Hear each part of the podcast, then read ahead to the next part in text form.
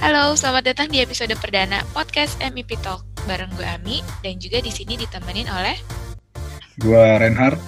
Nah, podcast ini akan membahas tentang um, seluk-beluk tentang dunia mechanical, electrical dan plumbing dalam dunia konstruksi uh, juga aplikasinya dalam keseharian kita. Nah, um, di beberapa waktu yang lalu nih, Hat, gue kan pernah lempar pertanyaan yep. gitu kan tentang sebenarnya sih kayak topik apa sih gitu yang kira-kira akan menarik buat dibahas nih. Nah, terus di Instagram kan? Ya, benar. Dan ya, jawaban ya, jawaban jawaban terbanyak nih waktu itu itu tentang solar panel. Nah, jadi ini nih episode perdana kita itu akhirnya jadinya tentang solar panel. Nah, gue termasuk salah satu yang juga nge-request tentang solar panel kebetulan. Penasaran ya? Iyalah, apalagi kan lagi ngehits banget itu. Iya gitu kan, kayak apa-apa sekarang kalau misalnya bangun rumah atau apa pengennya ada solar panel lah gitu kan di atas atapnya. Nah terus nih karena bahas solar panel kayaknya nggak afdol nih kan kalau kita nggak undang teman kita nih Hat yang memang temen gue juga dong iya makanya teman kita kan gitu ya memang berprofesi iya. gitu dan berkecimpung di dunia solar panel gitu nah siapa hmm. dia jeng jeng jeng jeng jeng jeng kita sudah kedatangan ya narasumber kita yang ya kes sejak lulus dia emang mainannya di solar panel ini Iya renewable ya. energy ya, kayak nggak bosan-bosan. Uh, menambang menambang energi matahari bahasanya ya. Coba-coba di, dikenalin, dikenalin, dikenalin. Uh, ya profilnya nanti dia biarkan dia mengenalkan dirinya sendiri, ya kan? Kita panggil aja langsung. Halo. Halo. Hai, assalamualaikum. Semuanya. Waalaikumsalam. Yes. Halo, Ja, apa kabar? Halo, Ami. Halo, Renhard. Sehat, sehat. Kabar sehat. Gimana kabar kalian? Sehat? Sehat nih. Alhamdulillah. Sehat, sehat. Gimana aja setelah berapa lama aja akhirnya aja di dunia renewable energy aja solar panel ya? Energi udah dari sejak lulus ya. Jadi kalau nah. sampai sekarang udah mau 9 tahun berarti ya kira-kira ya. Iya, 9 tahun. 9 tahun. Udah masuk SD eh, udah SD kelas berapa tuh kalau anak-anak ya? udah lulus. Nah. udah. SMP wajib belajar 9 tahun, Pak. Oh, wajib iya. belajar solar panel lulus. Nah, ini jadi Eja ini, ini teman kuliah kita nih, teman kuliah eh, teman yep. kuliah gue sama Rehat dulu nih waktu di kampus kan, gitu, sama-sama teknik elektro. Nah, tapi dia ambil power nih, sama kayak Reinhardt ya, oh power juga kan? Iya. Yep.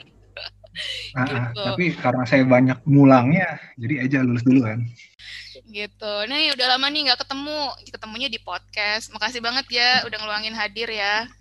Sekarang di kantor, apa di rumah, apa di mana? Sekarang lagi di kantor, ya. Mm-mm, lagi di kantor. Gitu. Ja, nih kan banyak yang penasaran nih Ja tentang apa uh, industri solar panel gitu.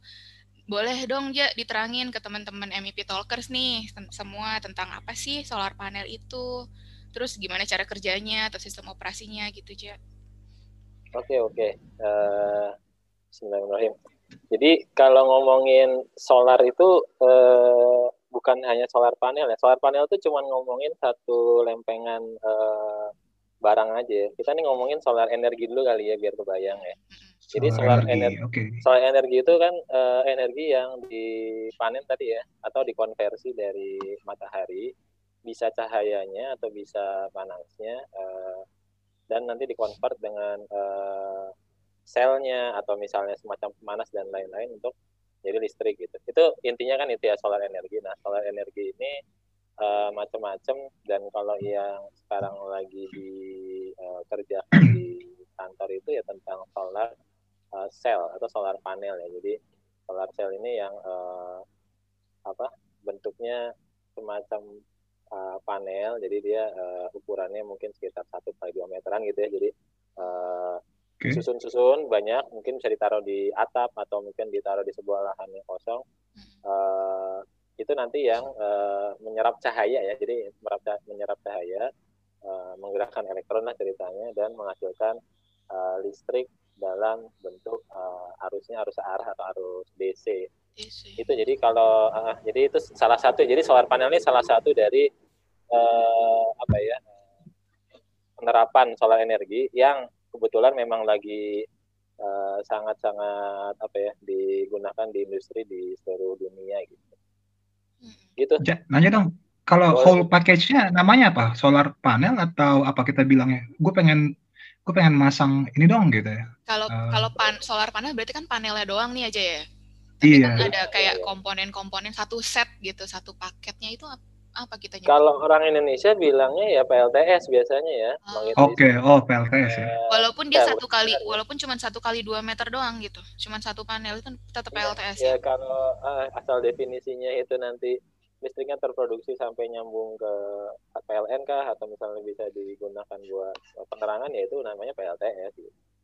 gitu. I see. Misalnya okay. lu lu Jadi... punya ini aja, lu punya power bank yang ada cahaya matahari apa yang ada selnya itu kan sebenarnya PLTS juga tapi kan itu skalanya kecil kali ya. Ya gitulah bahasa umumnya PLTS kali ya mungkin kalau mau uh, mudah nyebut. Kita pakai PLTS aja kali ya karena mm-hmm. istilahnya kan kita bakal bicarain secara sistem keseluruhan nanti di mm. dalamnya apa aja biar Bung Eja yang akan memberikan kita. Nah, Oke. Okay. Eh, tunggu tunggu intermezzo dulu. Si solar panel sama fotovoltaik berarti sama apa beda aja? Kok ada tuh sama, yang bilangnya PV sama solar panel gitu? Sama-sama. Itu ya? uh, panelnya ya berarti ya. Kalau pakai bahasa Indonesia mungkin PLTS nanti turunannya ngomongnya panel surya gitu ya. Oh, Tapi kalau iya. pakai bahasa yang agak Inggris-Inggris sedikit mungkin orang ngomongnya solar PV atau solar panel. Kan PV itu fotovoltaik. Fotovoltaik itu ininya lebih ke apa? Cara ya cara untuk mendapatkan energinya uh, menghasilkan atau mengkonversi listrik tadi di uh, sel-sel yang ada di dalam uh, panel surya atau solar panel. Jadi orang kadang memang agak beribet ada yang ngomong solar panel, panel surya, solar cell, solar PV ya intinya sama. Mungkin tadi kita kalau sistem ngomongnya PLTS aja kali ya uh, biar mudah dipahami teman-teman. Siap. Oke. Okay. Siap. Soalnya kalau kita memperdalam PV nanti jadi belajar material ya, aja ya. Material uh, elektro ya. Iya, Gawat iya, itu kan. Iya, kalau ngomongin jadi, PV aja nanti obrolannya satu episode lagi sendiri kali ya. Udah jadi kuliah ya. Tapi uh, memang undang lebih ke hal saintis nanti. Jadi uh, karena memang uh, terapannya mungkin belum di pasaran belum banyak kali yang pengembangannya gitu. Terus ya si PLTS ini berarti apa aja tuh ya isinya? Selain si solar panel berarti ada inverter gitu ya? Ya, jadi kalau solar panel itu umumnya dulu ya, umumnya uh, karena tadi listrik yang di uh, konversinya di solar panelnya jadi harus DC, nanti tergantung kebutuhan uh, uh, usernya mau listriknya searah DC atau mau bolak-balik AC. Jadi kalau misalnya butuh yang bolak-balik ya pasti butuh inverter.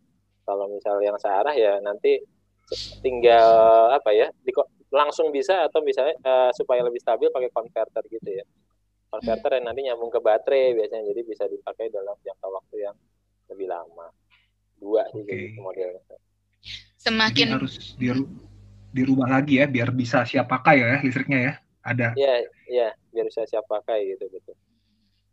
Berarti semakin okay. banyak kita nyimpen listrik dari solar panel itu berarti baterainya juga lebih besar ya? Semakin besar ya ya Iya, jadi uh, mungkin kalau boleh sedikit loncat ya supaya nanti uh, gampang kebayangnya gitu ya. Sorry nggak apa yang ngomongnya yang agak saya loncat dikit nanti uh, ini kita ngomongin mending ngomongin masalah on dan off grid dulu kali karena oh, ini iya, nyambung ke semuanya.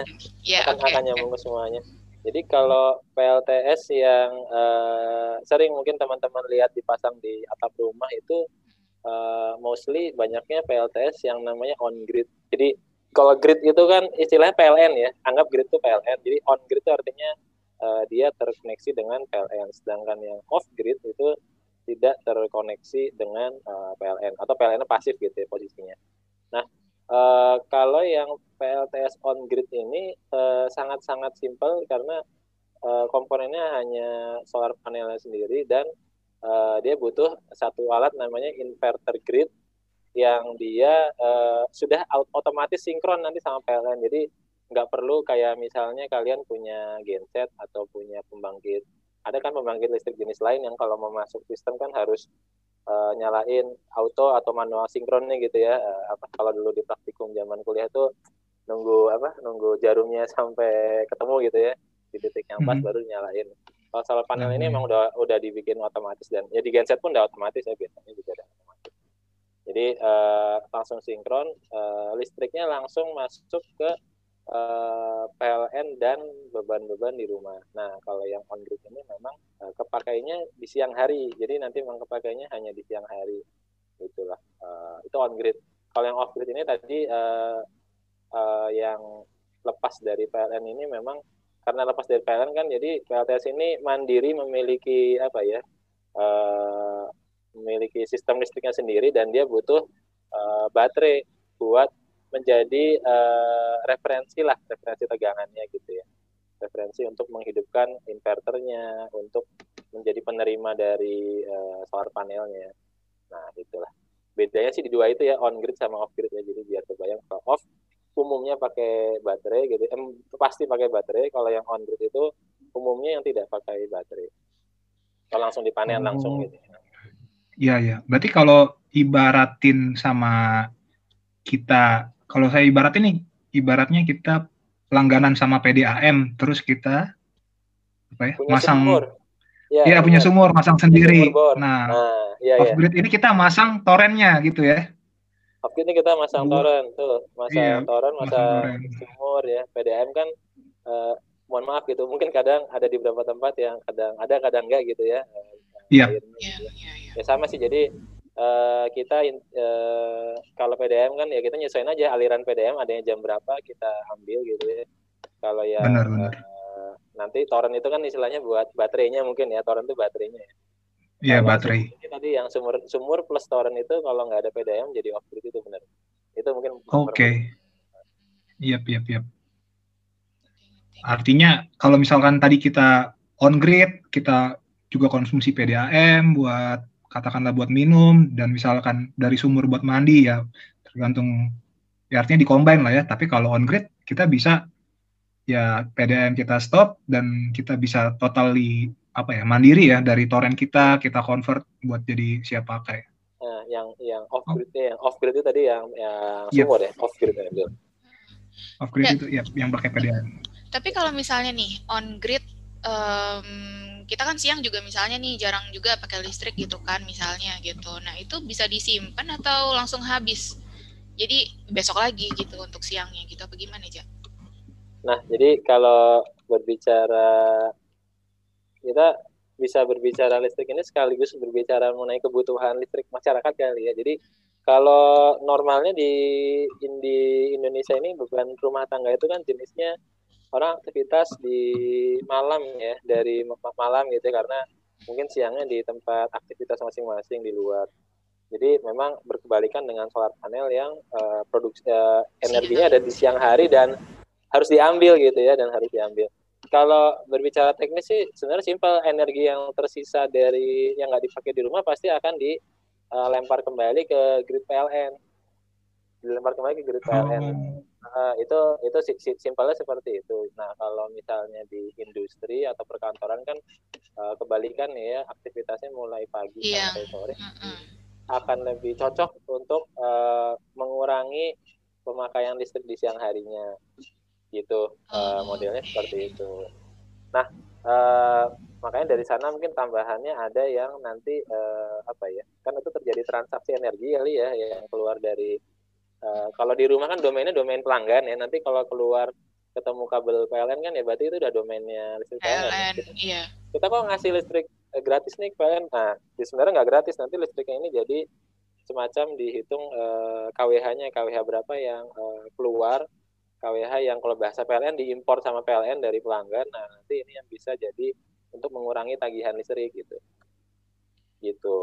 Okay. Berarti berarti di, dilihat marginnya aja gitu ya. Kita ngasih berapa, dia ngasih berapa, berarti sisanya berapa gitu ya. Ya, si, si, simple wordnya gitu lah. Simple wordnya seperti itu. Jadi uh, yang ke, ya misalnya listrik produksi uh, PLTS 1000 watt misalnya gitu ya, beban cuma 500. Nah, 500-nya eh, ke beban, 500 kan kembali ke PLN. Nah, nanti diakumulasi aja berapa uh, kilowattnya kali jamnya ya KWH-nya itu selama sebulan yang tersisa atau yang mengalir ke PLN. Nah, itu nanti kalau misalnya tagihan katakanlah oh keluar tagihan let's say tagihannya 100 kWh per bulan gitu ya atau misalnya yep. Iya. 100 kWh itu 140 ribu misalnya gitu ya oh, tapi kita punya tabungan kembali PLN 30 gitu ya berarti nanti tinggal dikurangnya 100 kurang 30 bayarnya 70 berarti nah itulah di situ nanti uh, definisi penghematannya tetap ter, tetap terjadi kita jadi secara sistem besar kita masih ada ada manfaatnya gitu makanya solar panel gitu buat uh, pelanggan rumah pun ada manfaatnya gitu. Yeah itu kan kalau listriknya pasca bayar. Kalau misalnya nih listriknya token gitu, sama. Nah, iya. uh, kalau di peraturan nah, PLN sendiri memang uh, pemasangan PLTS itu uh, harus izin ya, harus izin. Uh -uh. Jadi uh, tinggal lapor sebenarnya ke PLN bahwa kita pasang PLTS nanti PLN akan uh, membantu mengganti KWH-nya gitu ya, bantu oh. KWH-nya. Jadi di-upgrade dan hmm. dan harus jadi pelanggan pasca bayar, pasca bayar. berarti uh, berarti nggak bisa tuh kalau token token gitu ya nah kalau mau tetap token uh, ya ini teman-teman kan orang desain lah mungkin lebih ngerti nah, nanti nanti tinggal tinggal tinggal belajar lebih dalam ya. Intinya kalau misalnya kita punya rumah yang beban rata-rata siangnya oh kita kita punya kolam ikan misalnya atau punya kulkas freezer dan lain-lain bebannya siang minimal 2000 gitu ya. Nah kita pasang PLTS-nya di bawah 2000 aja. Jadi uh, dia kan akan mengurangi pemakaian listrik kan di siang hari. Dan dia tidak perlu ditransaksikan keluar itu bisa kalau mau gitu uh. aman lah aman nanti teman-teman bisa lah kayak ngedesain supaya nggak ada arus yang loss ke sana gimana caranya kan bisa bener, ya benar berarti nih kalau misalnya untuk kayak pemakaian di rumah tinggal kita sehari-hari gitu sebenarnya tetap bisa dilakukan tapi memang harus ada penghitungan gitu ya penghitungan tentang total yeah. beban beban kayak pencatatan beban gitu. Misalnya kayak siang kita pakai apa malam pakai apa gitu. Supaya nanti kalaupun pasang solar panel jelas gitu. Misalnya oh ini untuk beban mesin cuci misalnya gitu atau beban apa gitu yang emang nyucinya siang gitu nggak sih cak? Eh, iya jadi ya kan ya mungkin sesuai judul uh, podcast teman-teman ini kan memang uh, elektrikal itu tetap didesain gitu ya. Jadi uh, solar panel pun memang nggak bisa kayak uh, saya punya listrik 1300 di rumah saya mau pasang PLTS 1300 mm-hmm. nggak bisa murni gitu juga gitu ya. Bisa iya. jadi lebih besar karena misalnya targetnya adalah ngurangin uh, tagihan misalnya gitu ya. Uh, dengan dia konsekuensi siap ganti pasca bayar. Atau memang tadi targetnya adalah uh, oh saya mau uh, ikut berkampanye nih misalnya dengan green energy. Saya mau pasang dikit aja nih uh, saya pasang di level minimal yang saya nggak perlu sampai uh, ganti ke pasca bayar. Itu kan nanti tinggal main di time sebenarnya gitu aja. Nah, makanya memang uh, kalau di pemerintah itu juga sekarang sudah uh, sampai dibuat aturan uh, installer-installer pun memang mesti tersertifikasi gitu ya. Jadi uh, jangan sampai tadi apa uh, asal-asalan desain gitu ya. Atau misalnya asal-asalan produksi kan kita nggak tahu ya besar kita terlalu besar desain tiba-tiba nanti PLN-nya nggak nyanggup terima gitu kan nah, itu, itu ya memang uh, tetap harus didesain dengan matang gitu ya masang solar panel ini. Iya, iya. Oke. Dan dan kerjaan lo misalnya itu aja ya? Iya, jadi kalau perusahaan uh, gue ini kan uh, Reka Surya ya, jadi nggak apa-apa sampai promosi boleh ya Iya boleh oh, boleh iya. boleh dong. Boleh dong. Uh, bergeraknya dua sih sebenarnya. Ada yang bermain untuk ranah off grid atau masang listrik ke daerah-daerah gitu ya. Daerah-daerah yang hmm. belum ada jaringan PLN. Tapi memang sekarang yang uh, belakangan lagi booming ini yang uh, residensial ya. Jadi uh, PLTS on grid residensial. Jadi perumahan atau yang kantor-kantor mini. Karena kan Uh, eh, yeah, sekarang tren yeah, work work from home ini lagi yeah, tinggi. Yeah. Oh iya benar benar. Bulan listrik Maret, April, uh, Mei lalu tuh semua orang mengeluh di berita tentang listrik yeah, naik gitu ya. Dan uh, memang kalau korelasinya yeah. ada di bulan Juli Agustus tahun lalu itu 2020 itu uh, banyak sekali request uh, pemasangan gitu ya. Jadi memang uh, ya alhamdulillah ya uh, pandemi pun ada berkah buat kami gitu ya uh, di sini. Uh, alhamdulillah. Dan memang ya sekalian sih sekalian kita uh, ya mumpung orang-orang bisa teredukasi ya kita juga beritahu tentang uh, ya isu-isu green energi ini ya, dan uh, pentingnya apa ya mulai apa ya main ke PLTS. Eh, ja, terus kalau misalnya nih mendung gitu ngaruh nggak sih sama energi yang dihasilkan gitu? Oh pasti kalau mendung pasti ngaruh ya. Oh, hujan uh, gitu. Uh, uh, hujan ngaruh ngaruh. Uh, itu itu siklus alam ya sudah terjadi di Indonesia, terjadi di Indonesia atau di kalau di belahan bumi lain tuh bahkan salju ya. saat yeah. itu isu juga jadi kalau nanti kalau ada waktu buat membuka spesifikasi solar panel itu bahkan uh, diperhitungkan sampai temperatur minus yeah, temperatur yeah. minus yang ngaruh di uh, permukaan si uh, kaca solar panelnya. Yeah, Jadi memang ada. solar panel yang diproduksi kan sekarang produksi solar panel banyaknya dari luar ya. Itu memperhitungkan empat musim gitu. Jadi uh, panas yang panas banget sampai yang temperatur minus. Jadi kalau untuk isu di daerah tropis ke Indonesia itu nggak uh, masalah. Nah kalau ngomongin pro produksi ya mungkin ini sekalian ngomongin uh, saya ini dikit kali ya tentang Indonesia dikit kali ya. Indonesia ini kan daerah katulistiwa yang jalur mataharinya uh, paling pol gitu ya se, yeah. se dunia gitu ya.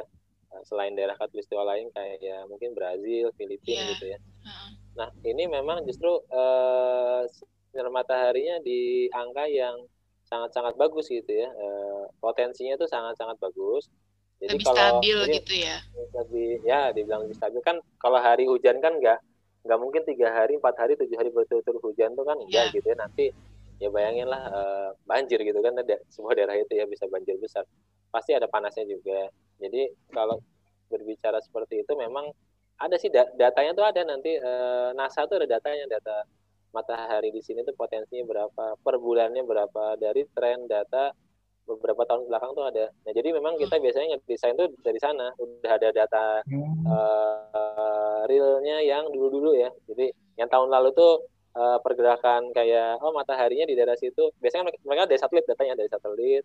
Cuman ngelihat kayak oh nih awannya kayak gimana gitu ya kan kelihatan ya mungkin ya. Oh ini mataharinya nyampe ke lahan atau gimana. Oh dihitung potensinya kira-kira sekian. Itu ada datanya ada. Makanya kita tiap kali mendesain pun spesifik misalnya rumahnya Renhard misalnya di daerah yeah. Bekasi katakanlah Bekasi gitu ya titik koordinatnya ada kecamatan mana kita titikin aja di daerah situ nanti potensinya ketahuan potensi oh, secara gitu. data data forecast yang dari dulu dulu tuh ada jadi nanti datanya saya, kalau gimana gimana Bekasi itu mataharinya ada banyak ya panas banget soalnya Bang Eja kayaknya ya. berpotensi sekali ya saya berkenan membahas hal lagi saja Pak itu Pak. Oh iya iya iya iya. iya bercanda kan? bercanda. Oh iya benar. Di Bandung mereka kembang Pak, nggak ada matahari kembang. Oh. terus kayak misalnya kayak daerah dataran deket pantai gitu kan Ja, itu kan kayak apa sih ada ada angin-angin laut yang kayak gitu-gitu ngaruh juga berarti ya ke solar panel. Jadi, uh, uh, eh, PIP yang itu. berpengaruh di solar panel itu nanti adalah uh, cahaya dan temperatur permukaan. Hmm. Jadi kalau di Indonesia ada daerah yang temperatur daerahnya dingin tapi cahaya mataharinya bagus, itu itu pasti produksinya tinggi tinggi banget gitu ya. Jadi emang ada korelasi kalau di solar panel itu di grafiknya kalau temperatur makin naik, justru produksinya akan berkurang sedikit gitu ya. Persentase produk, produk, produk uh, produksi listriknya akan berkurang uh, itulah kalau jadi nanti kalau misalnya kayak pantai tadi pertanyaannya pantai sih kalau pengalaman pasang ada kok pasang di pantai bahkan kan teknologi TV ini nanti pengembangannya ada yang masang di ini uh, floating terapung hmm. jadi dia iya. dipasang di hmm. danau atau di pinggir pantai yang uh, yang agak yang ombaknya nggak tinggi ya jadi nggak pasang di misalnya parang tritis gitu ya yang uh, ombaknya tinggi apa di tempat-tempat surfing itu kan ombaknya tinggi-tinggi ya mungkin di laut Jawa, laut Jawa atau di daerah-daerah uh, apa teluk kali ya daerah teluk gitu ya. Mungkin itu kan lebih tenang dan di situ malah lebih untung karena nggak nggak harus beli tanah ya. Kan kalau kita pasang di daerah Jawa kan tanah mahal gitu ya. itu kan diperhitungkan nanti di biaya investasi gitu ya. investasi. Nah berkaitan dengan investasi ja. Oh iya gimana, gimana jadi gimana? tuh ja? Maksudnya kalau misalnya sekarang nih kalau uh, ada ada nggak sih kayak perhitungan misalnya kayak harga kira-kira untuk satu set solar panel gitu? Oh ada ada. Ini uh, saya pakai harga kantor aja nggak apa-apa ya. Jadi kalau kurang lebih sekitaran ini aja, sekitaran harga aja. sekitaran ya, harga uh -uh. umum ya. Uh -uh. Kalau PLTS itu kita biasanya uh, buat paketnya yang menyesuaikan sama listrik PLN. Ya kita ngomong listrik PLN dulu aja ya. Uh, 1.300, 2.200, 3.000 dan ke atas mm -hmm. 5.000 dan 9 dan ke atas. Biasanya harganya itu kalau yang kapasitas 2, 3, 4, 5 kilowatt peak ya. Jadi mainnya kilowatt peak dulu ya. Itu nanti per kilowatt peak itu harganya ada di sekitaran uh, umumnya uh, 18 sampai 20 jutaan. 18 oh, sampai 20 juta uh, per kilowattnya, per kilowattnya. Hmm. Jadi kalau tadi 5 kilowatt peak berarti harganya antara 90 sampai 100 juta. Gitu sih. Nah, itu uh, untuk yang residensial ya, jadi harganya segitu. Kalau untuk yang skala industri uh, bisa lebih murah lagi karena kan produksi barangnya lebih banyak dan uh, yeah. ya lebih bulk ya lebih bulk ya, jadi yeah. akan lebih murah. Cak, ini nih buat misalnya ada yang mendengerin ya podcast ini gitu kan, tiba-tiba kepikiran, eh gue pengen masang nih, terus yeah. dia ngelihat oh rumah saya misalkan 2.200 atau 3.300 gitu. Lalu okay. ada ada ada kayak saran nggak? Lo cocoknya masang yang berapa kilowatt peak dan uh, nanti kira-kira ya benefitnya apa gitu kira-kira? Ada ada ya, bisa nggak kasih saran itu ke teman-teman yang sini? Investasinya saran, balik modalnya saran, gimana gitu ya? Iya. Kalau saran ya, sih jadi biasa biasanya uh, solar panel itu memang bisa dipasang itu ya. Itu umumnya uh, rumah yang uh, ada genteng misalnya gitu ya gentengnya agak luas gitu ya gentengnya hmm. luas atau bisa di kanopi parkir juga bisa di tanah pun bisa hmm. gitu ya. cuman kan kalau di daerah perkotaan itu kan uh, sayang ya mungkin ya harga tanah itu kan mending dihitung bangunan ya jadi mending dibangun sesuatu ya. jadi uh, oke okay, kita uh, berbatas aja kalau misalnya uh, yang teman-teman yang di kota memasang tuh biasanya tinggal dicek nih uh, atapnya gentengnya uh, ada luasan atau enggak gitu ya. Satu solar satu satu panel solar cell eh solar panel itu satu panelnya itu dimensinya biasanya semeter kali dua meter. Itu semeter. untuk yang semeter kali dua meter. Nah itu untuk yang ukuran 400 watt peak biasanya 400 watt peak. Rata-rata ya sih itu. Jadi 400 watt itu satu kali dua bentuknya memanjang ke bawah ya jadi satunya ke bawah eh sorry dua meter ke bawah semeter ke samping. Nah hmm. Ini tinggal disusun aja kira-kira kalau genteng oh saya punya genteng eh, misalnya ukurannya eh, 5 meter ke bawah katakanlah gitu ya 8 meter ke kanan ya agak luas ya itu ya. Ya udah hmm. misalnya oh berarti kan bisa 5 meter ke bawah ya udah kita ambil 4 meternya aja yang ke bawah jadi bisa dua susun atas bawah ya. 8 meternya kita ambil cuma 7 kan bisa ya jadi kita dapat 7 kali 2 sekitar 14 keping kalau kali 400 tadi mungkin dapat 5.600 watt peak atau 5,6 kWp ya itu okay. uh, jadi memang kadang pasti kita berangkat dari rumahnya dulu Luas. seperti apa gitu ya. Kalau misalnya ah. mohon maaf ini kayak kubah masjid bulat gitu ya, kan itu susah ya karena eh, nggak uh, seragam. Posisi solar panel nggak seragam. Nah, posisi solar panel ini kenapa mesti seragam juga karena nanti kan dia dipasangnya uh, serial gitu ya. Jadi uh, panel ah. satu panel lain itu Seri. akan dijumlah tegangannya, dijumlah tegangannya lagi. Nah, ketika jumlah tegangan ditambah terus, kalau posisinya beda misalnya uh, atapnya cuma cukup tiga panel yang menghadap utara, yang tiga panel menghadap timur. Nah, secara desain kita nggak rekomendasi buat di seri semua karena yang timur kan pagi-pagi bagus, tapi yang utara belum gitu. Nanti yeah. yang siang utara bagus, eh nanti sore yang timur habis, yang utara masih ada. Nah, itu yang mesti uh, didesain dengan uh, detail Jadi kurang maksimal ya? Kurang maksimal. Jadi tadi okay. uh, teman-teman mungkin tadi aja tinggal hitung aja uh, size gentengnya berapa, Tadi uh, kira-kira butuhnya tadi kan dua kali dua kali satu meter itu 400 watt peak kira-kira uh, solar panelnya. Jadi nanti tinggal dilihat atapnya yang uh, menghadap mana. Nggak uh, apa-apa mau menghadap selatan, timur, barat bebas ya nggak apa-apa. Walaupun oh, secara iya. simulasi yang utara lebih optimal ya karena posisi kita kan lintang selatan ya, mataharinya lebih banyak beredarnya uh, ke di utara ya. Kalau kita di lintang selatan hmm. kan matahari banyak di utara jadi memang lebih uh, optimal madep ke utara gitu. Jadi buat teman-teman yang udah terlanjur beli rumah yang hadap ke selatan coba pertimbangin buat beli rumah lagi ya yang hadap utara aja ya? rumah madep selatan kan ada genteng ke utaranya biasanya Mas, masih ada. Oh. kalau gentengnya model uh, atap yang apa tuh saya kurang tahu. Yang uh, segitiga gitu ya yang utara selatan bagi hmm. dua misalnya. Ya itu bisa kirain, dimanipulasi kirain beli rumah lagi. Enggak ya? Enggak, enggak perlu beli rumah lagi aja ya boleh juga. Soalnya saya habis ini mau ngambil tangga sama meteran aja langsung. oh, oh jadi berminat berminat mau pasang ya Hat ya. Ini menarik banget sih emang nih. Iya. Kebetulan kan karena WFA ini siang-siang kita kan nyalain AC mulu gitu. Jadi iya. Ah, iya, iya benar. ya.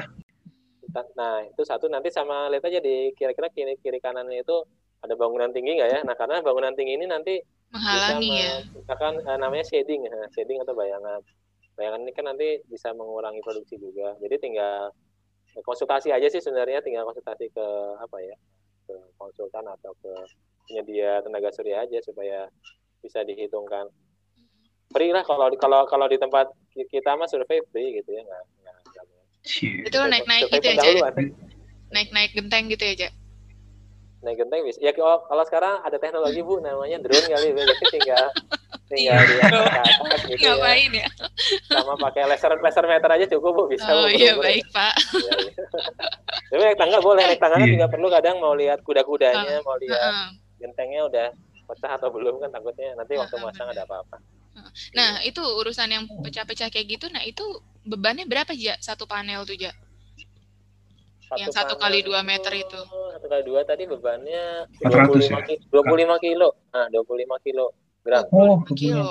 25 itu baru baru solar panel nanti uh, makanya si solar panel itu nanti dirangkainya biasanya di atas uh, ada kaki-kakinya gitu kan. Antara baja ringan atau aluminium rail biasanya. Kalau yang standar itu uh, aluminium rail. Nah, uh, aluminium rail ini nanti uh, ada komponen yang dia uh, komponen kaki bawahnya itu diselipin ke genteng, masuk ke kuda-kuda gitu.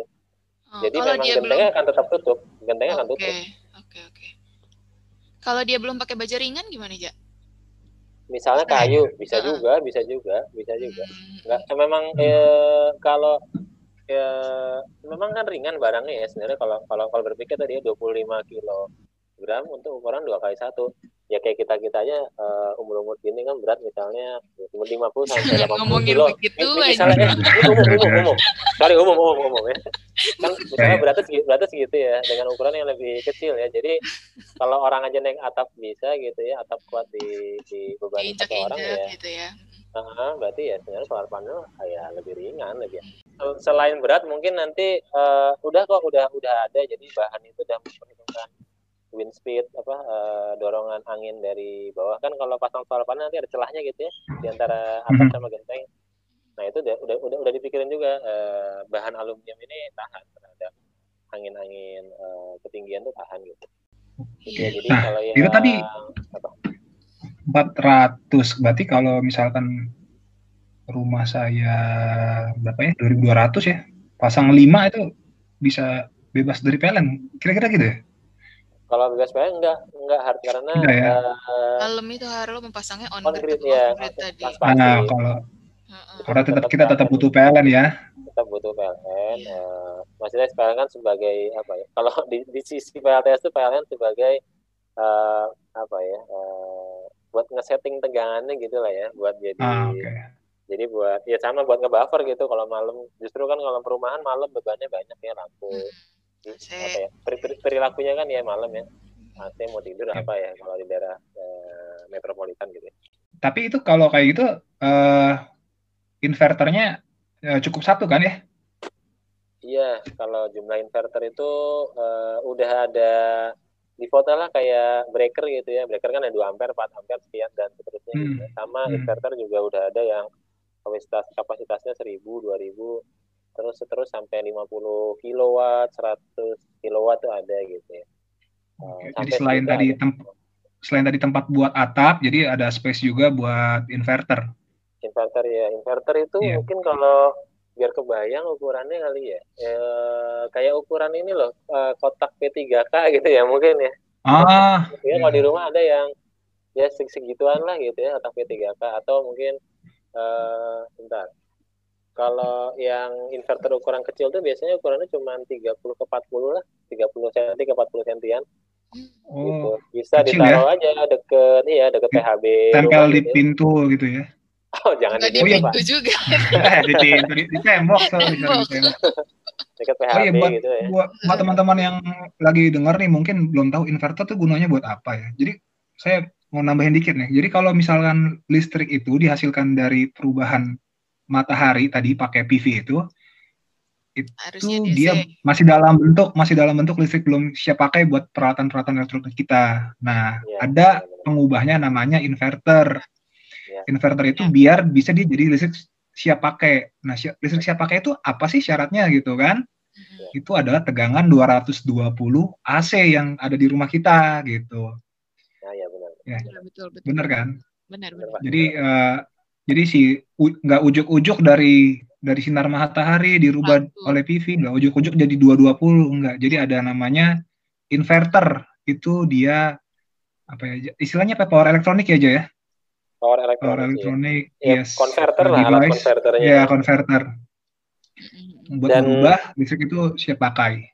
Ya dan mungkin sekaligus nambahin jadi inverter itu juga uh, kalau di berfungsi sebagai alat monitoring jadinya karena kan dia hmm. menghimpun iya. arus DC TV dan uh, apa uh, ke kebaca kan arus suaranya nah itu nanti bisa dimonitoring uh, bahkan secara online pun bisa gitu ya tinggal udah ada perangkat uh, wifi lognya gitu gitu udah ada. jadi hmm. memang nanti datanya pun kita bisa nikmati di di HP pun bisa kalau ada aplikasinya gitu ya. jadi tahu oh PLTS oh, hari ini produksi berapa? Ha, real tahu. real time gitu ya Jaya berarti langsung ketahuan gitu ya? Uh, real time. Bahkan kalau ya agak bagus barangnya kadang sampai memberitahu oh nih alatnya error kenapa karena apa? gitu ya. Oh mungkin oh. setelah dicek oh ini produksi uh, mataharinya lagi uh, kurang atau misalnya oh PLN-nya mati gitu ya. Kadang ketahuan juga. Gitu bah bahkan kadang di monitoring itu terbaca kayak uh, oh saya ber saya berhasil menghemat berapa karbon gitu ya dalam Hmm. Sehari oh, karbon ya. Hubungannya oh, sama ya. green ya, kayak gitu ya, sama hmm. Iya, sebenarnya ya. lebih ke konversi aja kan uh, listrik hmm. pada umumnya mungkin pakai uh, bahan bakar thermal gitu ya. Hmm uh, thermal batu bara hmm. gitu. Nah, itulah mungkin yang pengurangan pemakaian itu yang dihitung sebagai kelebihan PLTS gitu.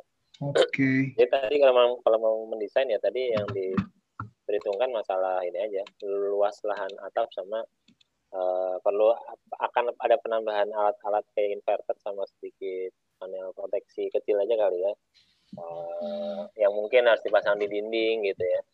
Nah, ini kan nanti bisa jadi pertimbangan kalau teman-teman yang uh, arsitek gitu ya konsultan itu uh, mendesain rumah juga kan diperhitungkan ini pasang di mana alatnya kalau dibilang alatnya ribut atau enggak enggak gitu ya karena uh, dia hanya konverter biasa bukan mesin yang ada suara apa mungkin suara mendengung atau itu enggak bukan enggak ada bukan mesin-mesin yang kayak motor gitu ya yang bukan mesin motor bukan dan bahkan kalau ini mungkin sedikit teknikal dikit mm -hmm. uh, kalau beberapa konverter kan ada yang komponen ada trafo di dalamnya gitu ya. Trafo ini kan ada suka mendengung gitu ya. Nah ini enggak enggak.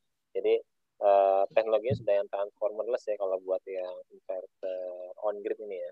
Ini benar-benar power elektronik aja barangnya. Komponennya komponen-komponen power elektronik semua gitu. Ja, mau nanya dong, kalau misalnya nih uh, tadi kalau off grid sama on grid itu inverternya sama atau enggak? Atau kita perlu inverter yang beda? Khusus? Beda, beda. Beda. Jadi kalau beda ya? Memang uh, pasti dia ada uh, koneksi yang ke arah baterai ya, karena hmm. baterai ini kan jadi sumber nyawanya uh, PLTS off grid gitu ya. Iya. Kalau on grid memang dia hanya uh, inputnya solar panel, inputnya solar PV, outputnya langsung, langsung ke uh, jaringan uh, AC ya, uh, atau PLN atau beban di rumah. Udah. Jadi memang oh, berbeda okay. inverternya. Jadi memang dari awal masih udah jelas nih uh, goalnya mau mendesain oh. buat on grid hmm. atau off grid gitu. Ya. Iya benar-benar. Nggak bisa nggak bisa tengah jalan berubah gitu ya? Iya nggak bisa. Uh -uh. Kalau buat yang di perkotaan memang sangat disarankan uh, pakai yang on grid gitu ya. Uh -uh. On grid aja on gitu ya. ya dan uh, mungkin sedikit nambahin lah supaya nanti kan sering ada isu-isu seperti aduh kemarin sempat mati lampu nih uh, hmm. 2019 di Jakarta waktu itu ya uh, hmm. sempat ada kejadian besar ya uh, luar biasa ya itu kejadian luar biasa. Iya lebih dari empat jam hmm. itu kan? Uh, blackout ya, ada blackout hmm. ya istilahnya. Hmm. Jadi uh, gimana nih? Uh, ya banyak keluhan pelanggan tuh uh, ke kita bilang gini, wah pak ada ikan koi saya pak ini iya. Ya, no comment gitu ya saya ngomongin. Nah itu memang ada teknologi nanti yang kalau memang ada ada dana lebih bisa uh, pakai pertengahan antara on sama off grid ini namanya PLTS on grid hybrid. Jadi Oh hybrid uh, ada, oke. Okay. Dia uh, inverter beda lagi, benar inverter beda lagi. Mm.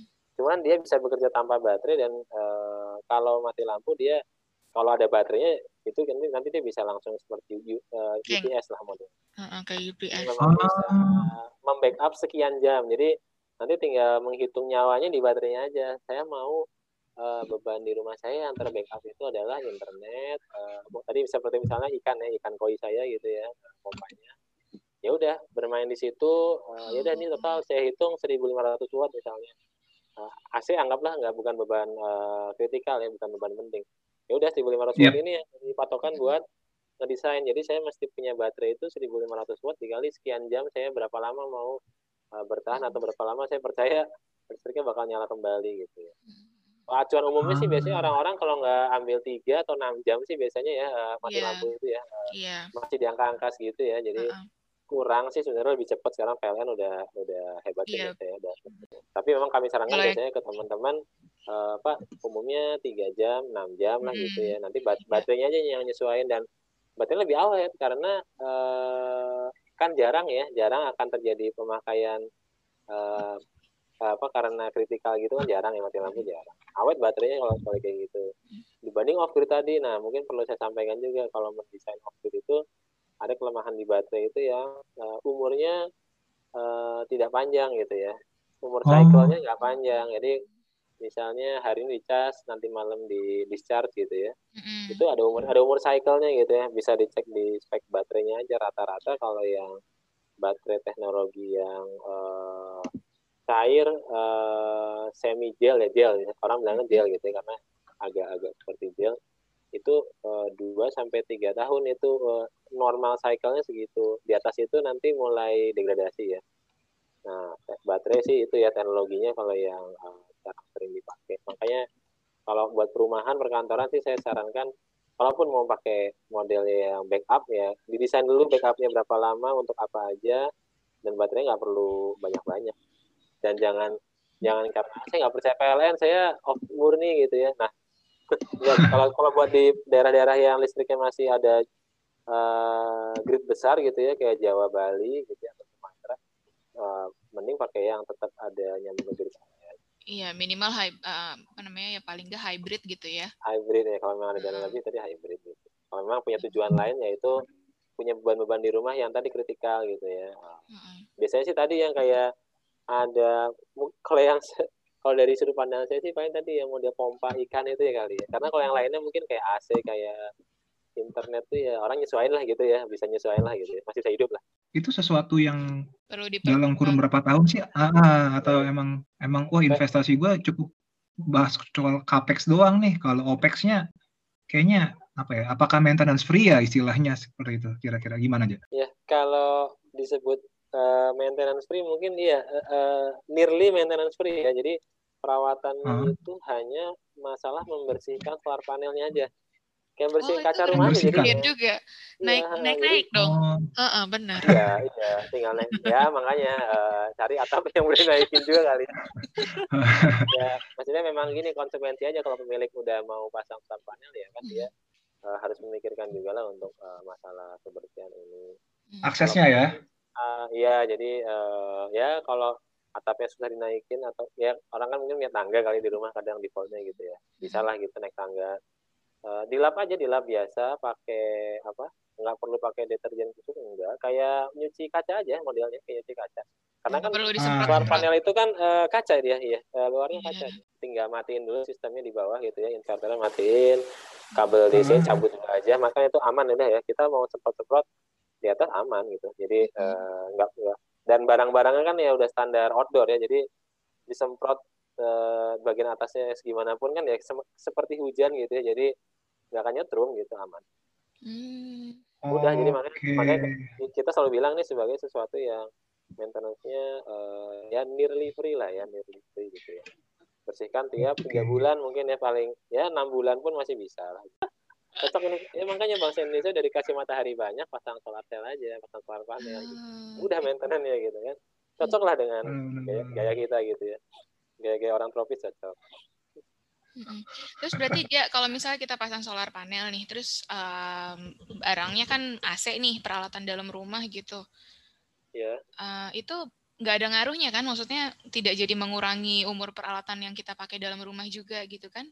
Karena oh, tadi enggak, ada enggak, inverternya karena... itu ya ada inverter dan inverter itu akan selalu menyesuaikan ke tegangan listrik di rumah. Okay. Uh, eh, dan ada proteksinya juga dia. Jadi kalau uh, tiba-tiba tegangan PLN kenapa-kenapa kualitas daya PLN-nya lagi kurang bagus ya hmm. nanti inverternya akan otomatis uh, memotong akan otomatis off lah paling mudah bahasanya gitu hmm. aman aman jadi teknologi sudah dipikirkan di sisi uh, jaringan juga ya dan pikirkan jaringannya ada apa ya dia akan uh, self uh, diagnose lah gitu untuk hmm. saya mati apa saya tetap beroperasi dengan tegangan yang berbeda gitu dia akan nyesuaikan hmm. gitu. oke oke oke oke dulu tuh pernah jauh install ke mana aja ja paling jauh pengalaman kalau, uh, kalau paling jauh. bicara itu paling menarik deh gitu. model gitu. off grid ya off grid Oke. Okay. Jadi hmm. itu dulu tahun awal-awal saya kerja ya 2012. Hmm. Uh, mungkin sambil cerita juga ya dulu pertama kali kerja itu lagi makan di kalau dulu teman-teman ingat lah ada namanya warung Solo Maut ya yang di Wadugur Bandung gitu ya. Oh. Lagi ngobrol di sana ya? belum belum ya nasinya pokoknya bisa dimakan bertiga kita bertiga makan sekarang kayaknya kenyang gitu kalau sekarang kenyang lah itu uh, ngobrol sama teman-teman yang lulus waktu itu bareng-bareng dan pas waktu itu mereka yang sama-sama main di PLTS gitu ya uh, ya udah saya terjebaklah dengan waktu dari mereka gitu ya. Masuk kantor nah masuk kantor tuh lucu hari Senin masuk ngobrol sama direkturnya besoknya dibeliin tiket. Pergi ke salah satu pulau di daerah Maluku Tenggara gitu ya daerah hmm. sana daerah tak bersinyal gitu ya selama hampir sebulan kalau nggak salah. Hmm. ya kalau di sana sih uh, pulaunya lumayan masih lumayan besar sih jadi sistemnya dulu pasang hybrid. Kalau itu uh, hanya komisioning dulu ya ke sana hanya finishing karena udah mau beres uh, itu sih ya biasalah ya baru ngerti PLTS yang lebih menarik tuh justru yang ada program pemerintah tuh yang di akhir tahun 2012 itu mulai bikin uh, eh, PLTS di desa-desa terpencil gitu ya. Jadi mm. dulu uh, gue kebagian yang ngerjain di daerah NTT gitu ya. Mm. NTT agak dalam-dalam. Nah uh, dulu kan orang orang lu belum tahu ya kayak daerah-daerah timur tuh kesannya kayak takut mengerikan gitu nah ke sini sini kita baru tahu ya itu tertentu aja ya daerah-daerah yang konflik itu kan nggak semua. Justru daerah kayak NTT ini uh, menarik orangnya lebih ramah gitu ya lebih menerima terhadap hal-hal yang masih masuk di apa ya hal-hal logis gitu iya, gitu ya. buat mungkin di sana kan baru ya ini ya. Baru jarang, gitu jarang dan mereka memang ada keinginan untuk punya listrik yang stabil karena uh, desa-desanya tuh sebenarnya kalau dibilang jarak secara jam tuh mungkin hanya 2-3 jam dari pusat kota. Tapi kan kalau hitungan PLN menarik kabel yang jaraknya 2 sampai 3 jam itu kan kita hitung aja. Itu kan eh, berapa puluh kilo berapa belas kilo ya. Itu investasinya mungkin tinggi kali ya. Jadi uh, ini masuk PLTS ini masuk ke ke daerah-daerah itu ya. Uh, okay. modelnya waktu itu yang uh, gue pasang tuh ada lima desa terpisah ya beda-beda kabupaten uh, sistemnya itu jadi untuk ngelistrikin sekitar hampir nggak sampai satu desa sih mungkin beberapa dusun gitu ya jadi hmm. uh, 100 sampai 200 kakak sih waktu itu yang uh, masing-masing desa jadi sistemnya PLTS-nya dicari lahan kosong di sana itu pun lahannya bagus ya jadi sepakatan warga aja punya lahan di sana di kalau diwakafkan lah gitu mungkin bahasanya kali ya hmm. diwakafkan buat PLTS ini diwakafkan buat Pemda karena nanti kan Pemda yang bakal jadi uh, pemilik gitu ya. Berarti di lahan, kan, di lahan di lahan terbuka gitu ya aja itu ya? Lahan terbuka modelnya jadi yang ground uh, ground mounted ya, ground mounted. Nanti tinggal bikin jaringan, jaringan uh, tarik kabel uh, AC aja jaringan. Itu rentang jaringannya kan nggak nggak terlalu jauh, paling plus minus 3 kilo lah kanan kiri gitu ya. Jadi hmm. kualitas listriknya masih bagus. Uh, tapi memang nanti sistemnya kalau yang itu uh, dibatasin listriknya di rumah-rumah. Jadi ada kayak energi limiternya di dekat uh, eh, MCB-nya gitu ya. Jadi KWH meternya diganti energi limiter. Itu nanti jadi se, or, se rumah tangga kebagian jatah eh, maksimalnya uh, berapa gitu? Maksimal berapa? Kalau mm -hmm. lu kayak 600 watt watt hour ya. Kecil mm -hmm. sih kalau kalau kita pikir-pikir sehari dapat segitu paling buat lampu sama buat colok colok HP mm-hmm. mau beli TV gitu bisa. Nanti dia mati sendiri otomatis. Nah itu yang jadi apa ya kebersamaan sih kalau kita lihat kebersamaan warganya jadi terbangun ke sana oh, karena nggak okay. ada yang satu misalnya kan wah saya kaya saya mau beli apa ya hmm. uh, kalau orang sana bilang combo bilang combo ya. Combo itu apa ya uh, ini loh hat apa uh, yang TV lalu ada stereo stereonya gede-gede gitu kan. Oh combo combo ya.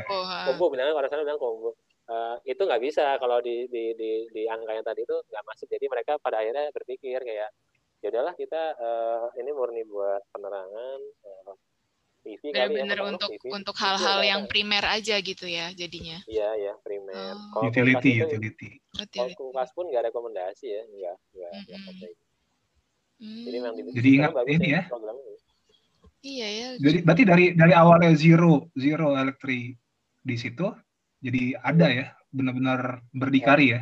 Iya ya, jadi benar-benar bisa bisa dapat listrik kayak kita gitu ya. Jadi kalau kadang di Jawa kita mati lampu sejam dua jam aja ngeluhnya sahabat abad gitu ya. Dulu waktu tim tim kami apa ya instalasi itu ya tiga bulan gitu ya udah kayak krik krik krik aja. Ya kita bawa genset sih bawa genset beli bensin gitu ya buat ya kan. Ya biasalah kita orang kota masih butuh HP atau apa gitu ya jadi kita nyalain genset malam-malam. Oh tuh warga ngumpul kalau kita nyalain genset juga ya. Karena mereka juga ikut ikut ngecas atau apa ya udah sih kita happy happy aja gitu uh, tapi setelah listrik nyala ya ya itu yang pengalaman yang menurut apa ya uh, gue dan teman-teman yang di PLTS itu. Berkesan banget ya jadinya. Itu adalah ngelihat beneran apa ya senyuman orang-orang itu lah ketika wah dapat listrik gitu ya. Ya kan kalau kami kan perusahaan sebenarnya perusahaan kan hmm. uh, ya menjalankan ya, pemerintah, kerja pemerintah menjalankan proyek pemerintah. Tapi seakan-akan senyumnya info ya. Gitu ya, jadi pahlawan. Sampai kalau di daerah NTT itu kan mayoritas masih Nasrani ya. Uh, hmm kita yang muslim aja sampai dikasih ini mas ayam potong sendiri aja gitu wah jadi um. kasih ayam gitu nih bahkan kadang terakhir dikasih kambing waktu pulang lo masih kambing potong sendiri aja gitu wah gitu saking ya. ininya ya saking eh, uh, dengar ceritanya terharu jadi kayak ya mungkin sila sila sila yang sila ketiga sila kelima masih oh, ada gila gitu, sih. daerah daerah sana masih masih terbangun lah gitu ya ya ada iya menarik banget itu sih menariknya tapi kalau yang kalau yang kota bisnis ya murni bisnis ya kebanyakan mm -hmm. dan lebih ke campaign mm -hmm. masalah uh, green, green, green energy gitu kita ya. kalau ngobrol dari sisi non teknis non bisnis ya kita pasti lebih seneng membahas isu itu. Karena kita pengennya gitu uh, ngapain sih kita membahas hanya masalah penghematan uh, sisi uang atau sisi uh, apa ya uh, teknikal aja gitu. Misalnya kayak oh lebih indah bangunan. Oke kita yang lebih menarik itu kan sebenarnya membahas mengenai masa depan ini gitu ya. Hmm. teknologi masa depan ini sebenarnya yang uh, membantu mengurangi ya memperlambat inilah memperlambat apa namanya global warming kalau ini kan lo udah berapa lama aja berarti 9 tahun ya ja di solar sebenarnya eh, enam uh, bulan uh, eh enam bulan sorry enam tahun sih uh, bersihnya yang, oh, yang okay. dua tahun setengah itu lo S2 mau S2 dulu oh, oh jadi memang topiknya itu ya ja ya renewable energy eh, topiknya ja. waktu itu enggak sih sebenarnya. juga. Dulu malah bahas mobil listrik gitu. Dulu malah Oh iya iya iya benar-benar. Ya tapi masih related lah teknologi masa depan. Gue jadi penasaran ya. Kira-kira dari selama lu udah masang udah berapa kilowatt peak yang udah lo pasang? Ingat nggak kira-kira? Kalau ada, ada. Jadi kalau gue ngitungnya dari yang perusahaan yang terakhir ini aja ya, yang ini yang ini kan lima tahun terakhir gue di perusahaan uh, Reka Surya. Hmm. Reka Surya tuh lima tahun udah pasang hampir dua megawatt peak. Wow. Dua megawatt. Okay. Dua megawatt itu campur ya antara kita memang jual putus uh, solar panelnya sama memasang. Jadi hmm. kombinasinya sekitar dua dua megawatt peak. Masih kalah sih sama perusahaan-perusahaan gede yang udah masang puluhan sampai ratusan gitu yang ada di hmm. Indonesia bahkan. Jadi ada yang udah ratusan mega ya? Kalau yang perusahaan sebelum yang yang awal yang dulu yang kontraktor uh, lebih baik baik ke pemerintah itu kan mm-hmm. kan gede-gede ya pasang daerah itu ya nggak hitungannya mm-hmm. nggak kalau di tadi kota kan satu dua tiga empat lima kilowatt kalau daerah itu kan gede sepuluh kilowatt iya. dua puluh lima puluh mm-hmm. jadi uh, lebih lebih besar mereka udah udah jauh jauh uh, angkanya jauh lebih besar tapi memang belum belum inilah belum apa belum masuk ekspektasi yang bauran berapa eh, dua puluh lima persen di tahun 2025 itu belum masih jauh 25%. banget 25 persen oh okay. belum RE di tahun 2025 gitu masih masih jauh oh jadi jadi tahun 2005 tuh uh, ya dicita-citakan lah ya 25 persen hanya dari PLTS doang atau renewable? Enggak, enggak, enggak. campuran renewable. Renewable. Campuran ya? Nah, PLTA ya, PLTA. Okay. Terus kira-kira aja nih potensi ke depannya nih menurut lo dari ya ramalan bukan ramalan ya apa ya kan udah lima tahun forecast. nih forecast ya itulah yang kayak gitu. forecast ya ramalan. Kira-kira nih cenayangannya gitu potensi masa depan gimana sih Ja untuk solar panel nih terutama di Indonesia? Ya, ya. jadi uh, sebenarnya kalau berbicara keseluruhan gitu ya seluruh Indonesia, uh, kemarin ada studi dari uh, IESR itu IESR nih salah satu yang tempatnya Agus ya, ada Agus teman kita juga yeah, ada. NGO, NGO. Uh, NGO semacam NGO betul. Mm. Jadi uh, menurut penelitian mereka itu memang uh, PLTS ini menarik nanti kalau berhasil menyentuh angka satu gigawatt peak kali ya di Indonesia. Oh. Jadi uh, titik itunya titik psikologisnya kalau itu tembus tuh nanti memang uh, akan eks, lebih eksponen lagi uh, pasarnya gitu ya. Kalau sekarang ya okay. kalau bicara realitas sebenarnya uh, beberapa tahun ke depan sih uh, pasarnya masih mirip-mirip ya. Uh, jadi masuk residensial, uh, industri, industrial itu juga udah banyak yang mulai ngeh ya karena industri-industri yang induknya di luar itu kan uh, kena dengan uh, ISO baru, ada ISO ISO baru di luar yang ngomongin energi. Uh, tentang tentang green itu ISO-nya banyak ya yang baru yang di luar penerapannya jadi perusahaan uh, cabangnya atau perusahaan joint company yang di sini kena juga. Uh, industri masuk dan mungkin yang lebih besarnya yang kelasnya IPP jadi memang dia mencari lahan uh, produksi ya. maupun lahan di pinggir laut bisa juga tadi ya yang model floating. Hmm. udah dia jual listriknya uh, apa uh, PPA jadi uh, power purchase agreement ya. Jadi jual jual beli listrik aja uh, dan itu enak kan karena PLTS listriknya akan ngalir terus ya. Jadi dibeli KW dibeli KWH-nya ya. Bahkan di undang-undangnya kalau kalau yang LG terbarukan tuh PLN wajib buat kalau memang udah ada apa eh, perjanjiannya sudah wajib membeli semua. Listrik yang diproduksi.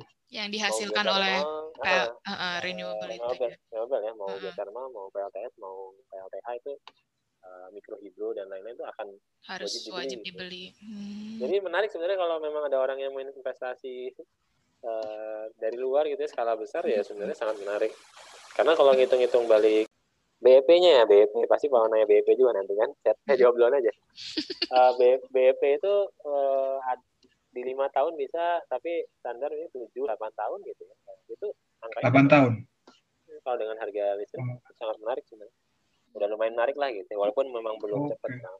Ah, gila menarik okay. banget nih. Sorry, itu satu dan yang kedua ini uh, isu yang lagi menarik ini kan hmm. uh, listrik ini mulai eh uh, energi akan mulai berpindah ke listrik, mobil listrik. Iya, betul.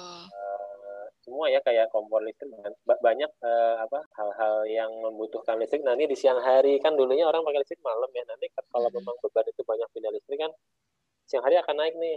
Iya, akan naik beban. Nah, nah, ini cocok banget nanti si PLTS masuk kalau siang bisa buat ngecas mobil listrik di parkiran gitu ya atau buat masak dan oh, lain-lain iya. gitu ya. Mm-hmm. Kompor itu udah mulai pindah ya. Mm-hmm. Uh, stasiun pengisian tadi yang mobil listrik dan mungkin kalau orang mulai lumrah ngelihat di, di, di jalan gitu, oh kok itu rumah nanti kan kalau sekarang kan beda ya orang kok sekarang oh itu orang ada yang masang PLTS nanti kan orang kebalik gitu. Oh kok itu orang nggak masang PLTS ya? Gitu. Nanti nanti bisa sebenarnya jadi kebalik gitu ya. Kalau memang udah mayoritas minoritas ya. Kalau udah jadi kebalik titiknya tadi uh-uh. nah, orang bisa lebih mulai inilah akan semakin penetrasinya semakin bagus. Ja iya jadi penasaran ja. Misalkan tadi kan minimal tuh 400 400 watt ya satu itu ya. 400 ada watt satu. ada yang cuma 100 watt 150 juga ada. Ada ya ada. Katakanlah nih, kalau misalkan saya 400 watt, ya misalkan ya, ya biar teman-teman tahu apa ya, uh, di sini kebayang entry levelnya gitu kan. Tadi kan uh, lo bahas investasi berapa 100 juta gitu kan, itu untuk yang 5 5 kilo ya, 5 kilo peak kilo, watt ya. Kilo, ya. Uh, katakan, oh ternyata rumahnya nggak nggak butuh sebesar itu gitu. Uh, ada kira-kira entry levelnya gitu yang kayak oke okay, dia cuma butuh katakan seribu gitu kan seribu atau dia dia masang tiga ya enam meter lah tadi ya. Dua enam kali dua iya. kali dua kali dua dua tambah dua. Iya. kira-kira itu di, di angka di angka berapa aja sekitar dua puluh lima jutaan. Kalau yang seribu dua puluh lima juta ya? tiga ratus ya udah sama inverternya ya? Udah udah udah sama pasang udah sama pengiriman. Apa jadi ah. udah all in semuanya. Iya. Yang terjangkau ya berarti ya? Iya iya. Udah harganya sih iya, udah iya. lumayan lah terjangkau buat kalangan menengah umum ya gitu ya. Uh, bahkan ada banyak perusahaan lain yang nawarin uh, cicilan. Jadi karena nih isu ah, dari iya. mereka berani berani ya deh uh, installment 0% gitu ya selama setahun kan lebih menarik lagi ya. Hmm. 5 juta bagi bagi 12 kan 2 jutaan sebulan ya. Buat yang uh, kantoran Jakarta gitu mungkin wah masuk nih gitu ya. Uh, nggak seberat beban harus keluar langsung sebesar 25 mungkin. Hmm. Gitu. Ada ada sampai installment itu ada. Terus misalnya nih Jak udah pasang nih satu gitu kan. Terus ntar tengah jalan kayaknya gue mau nambah itu bisa ya langsung ya? Atau uh, bisa bisa. Jadi uh, itu nanti bisa didesain ya. Jadi dari awal mungkin uh, inverternya gitu. pasang lebih besar duluan gitu nggak mm -hmm. masalah ya. Soal panelnya tinggal nambah gitu ya. Mm -hmm. uh, bisa bisa ada yang ada juga yang modelnya memang uh, apa? Uh, ya ditambah-tambah bisa bisa memang mudah lah gitu.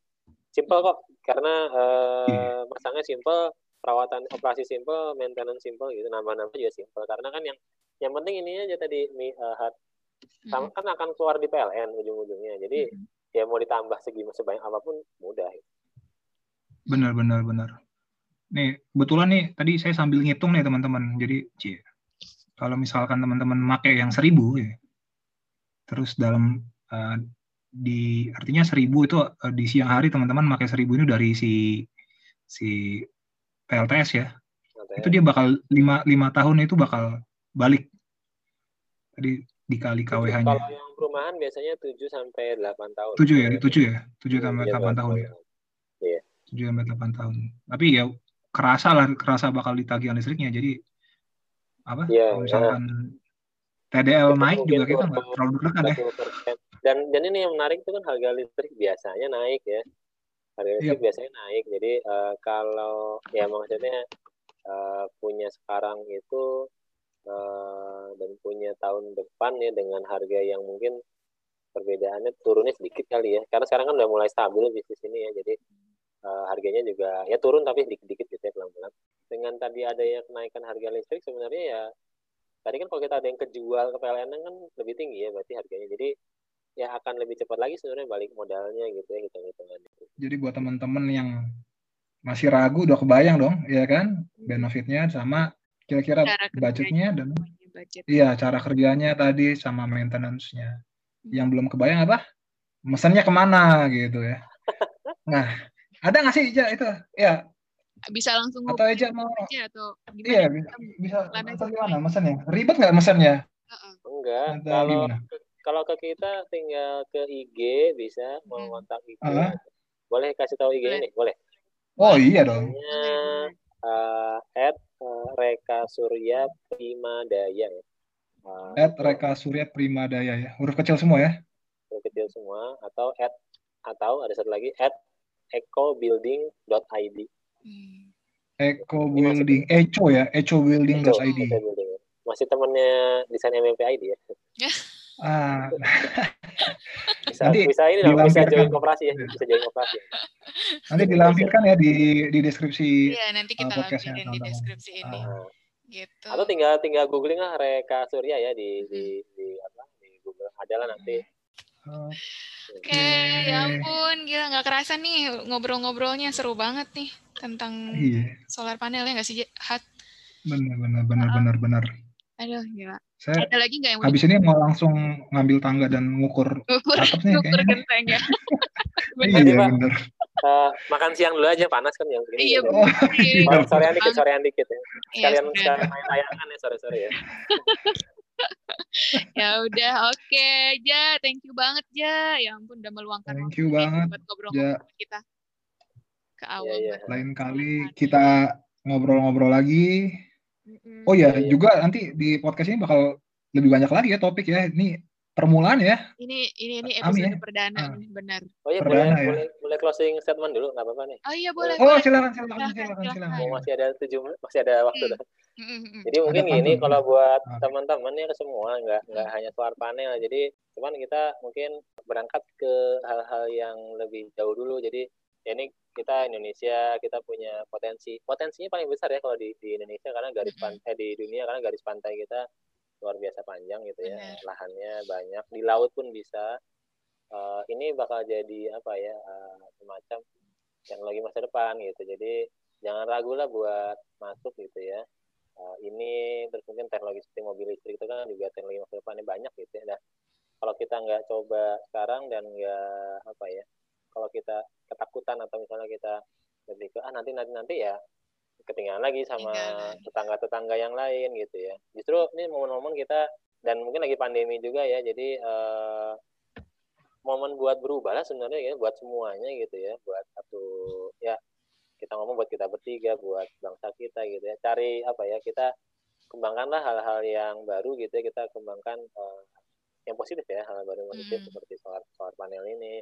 Ya ini bakal jadi winners baru lah gitu ya karena kan uh, bukan ini oil ya oil memang kalau hitung-hitungan di tahun 2030 sudah decline sudah sudah mulai menurun gitu ya. makanya mobil listrik sudah mulai produksi sekarang kan itu uh, kita udah harus bisa ngebaca tren itu ya ini semua akan mulai bergeser ke sana gitu ya ya kita dan ayo kita jadi bagian dari apa ya uh, orang-orang yang kontribusi lah buat merubah gitu ya energi yang lebih bersih.